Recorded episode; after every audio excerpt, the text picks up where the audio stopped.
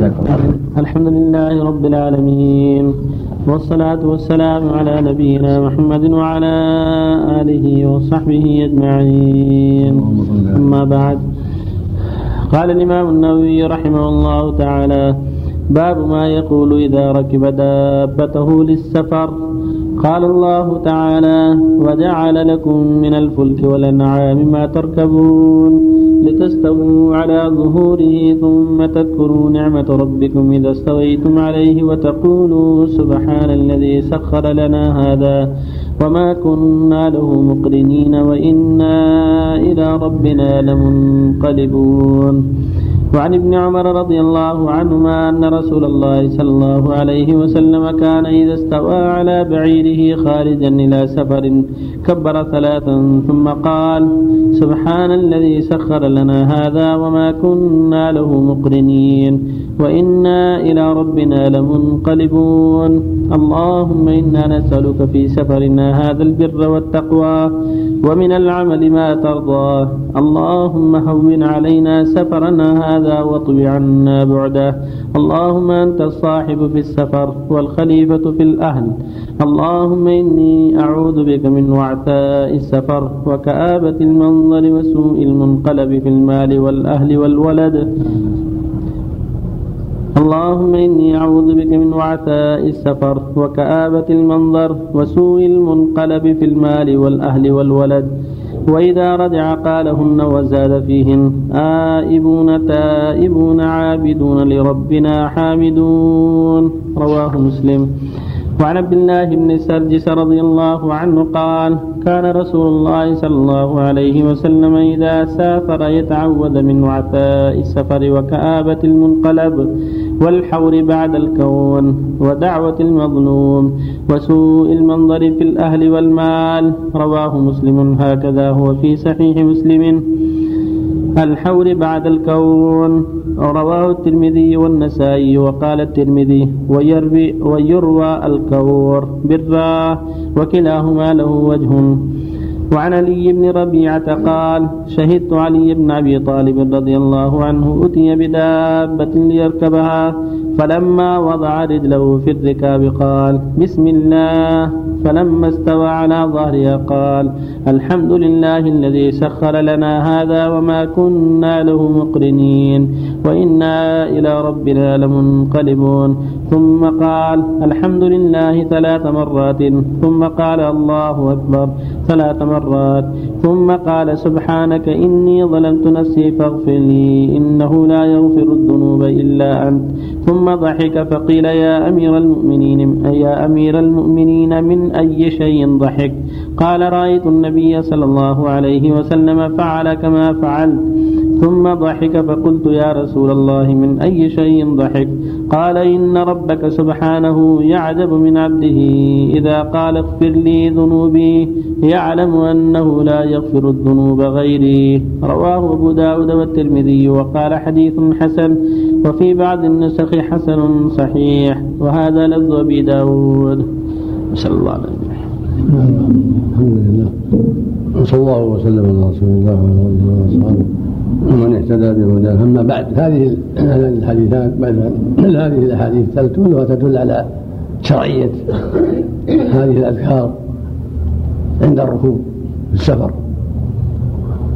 والرسول صلى الله عليه وسلم بعثه الله بالآداب الشرعية في كل الأمور. التوحيد الصلاة الزكاة الصيام الحج في كل أعماله. الله شرع لعباده آدابا شرعية في جميع الشؤون ومن الآداب في ذلك الإخلاص لله في كل شيء وتحري السنة والعمل بها والحذر من البدعة. فالمؤمن يتحرى ما شرعه الله فيؤديه كما شرعه الله في أقواله وأعماله وعباداته وغير ذلك. ومن هذا الركوب السهو كان النبي صلى الله عليه وسلم استوى على راحلته في السفر كبر ثلاثا. قال بسم الله والحمد لله وكبر ثلاثا. قال سبحان الذي سخر لنا هذا أو ما كنا ما كنا له مقرنين يعني مطيقين. وإنا إلى ربنا منقلبون. اللهم إنا في سفرنا هذا البر والتقوى ومن العمل ما ترضى. اللهم هون عن سفرنا هذا وقنا عنا بعده أنت اللهم أنت الصاحب السفر والخليفة في الأهل اللهم من وعثاء السفر ومن كآبة المنظر ومن سوء المقال في الأهل والمال. الرواية والولد. فالمؤمن هكذا يتحرى سنة صلى الله عليه وسلم في السفر إذا ركب دابة أو ركب عن السيارة أو الطائرة أو القطار أو الباخرة. يأتي بالأذكار الشرعية سم الله ويحمد الله ويكبر ثلاث يقول سبحان سخر لنا هذا وما كنا وإنا إلى ربنا لمنقلبون في رواية علي أن سمى عند وضع رجله في الأرض فلما استوى على الدابة حمد الله ثلاثة وكبر ثلاثة. ثم قال سبحانه سخر لنا هذا وما كنا مقرنين وكله طيب كله سنة.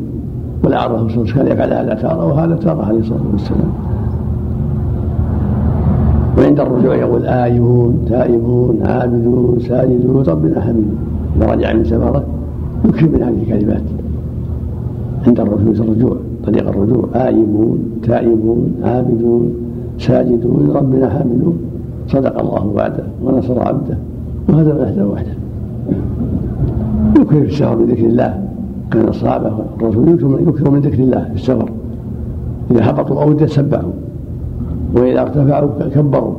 فأنت يا عبد الله هكذا في سفرك. في سائر أحوالك تكثر من ذكر الله. تعظيم تسبيح. وفي الأسفار. السنة عند هبوط الأودية تسبيح. وعند الصعود إلى الروابي والجبال تكبير. وفق الله الجميع. الله إليك. لو كانوا مجموعة في سيارة واحدة. وقاله واحد منهم يكفي ولا لابد السنة أن يقوله كل كل واحد يقول نفسه. كل واحد. كل واحد يقول نفسه. نعم. ينبغي التشويش على الآخر. كلام رفيق ما في تشويش ما في رفع صوت. ما في تشويش. هو سبحان ما في كل سبحان هذا خاص بالسفر نعم. نعم. الركوب خاص بالسفر؟ المعروف في الأحاديث السفر خاص. نعم هذا المعروف في الأحاديث يا شيخ أحسن الله إليك. فيه حديث يوزع في المساجد منسوب إلى مسلم. نقرأ عليك يا شيخ. يقول بسم الله الرحمن الرحيم. حديث رواه مسلم. قال عليه الصلاة والسلام يا علي لا تنم قبل أن تأتي بخمسة أشياء. قراءة القرآن كله التصدق بأربعة آلاف درهم زيارة الكعبة حفظ مكانك في الجنة إرضاء الخصوم. فقال علي كيف ذلك يا رسول الله؟ فقال عليه الصلاة والسلام أما علمت أنك إذا قرأت قل هو الله أحد ثلاث مرات كأنك قرأت القرآن كله وإذا قرأت الفاتحة أربع مرات كأنك تصدقت بأربعة آلاف درهم. وإذا قلت لا إله إلا الله وحده لا شريك له له الملك وله الحمد يحيي ويميت وهو حي دائم لا يموت أبدا بيده الخير وهو على كل شيء قدير. عشر مرات كأنك زرت الكعبة. وإذا قلت لا حول ولا قوة إلا بالله العلي العظيم. عشر مرات كأنك حفظت مكانك في الجنة. وإذا قلت استغفر الله العظيم الذي لا إله إلا هو الحي القيوم وأتوب, وأتوب إليه مرة واحدة كأنك أصلحت الخصوم فقال الإمام علي صدقت يا رسول الله. فهنيئا لمن قرأ هذا الحديث وعمل به. هذا كذب موضوع كله كذب هذا هو طراف من وراء الشيعة. لكن الاكثار من ذكر الله مطلوب. الإنسان يكثر من ذكر الله دائما. ينبغي الانسان يكثر من ذكر الله. فاذكروا الله كثيرا. كان يذكر الله كثيرا ويقول أن أقول سبحان الله والحمد لله ولا إله إلا الله والله أكبر أحب إلى من طلعت عليه الشمس عليه الصلاة والسلام. ويقول احب كلام الاربع سبحان الله والحمد لله ولا إله إلا الله والله أكبر. يقول الباقيات الصالحات سبحان الله والحمد لله ولا إله إلا الله والله أكبر ولا حول ولا قوة إلا بالله.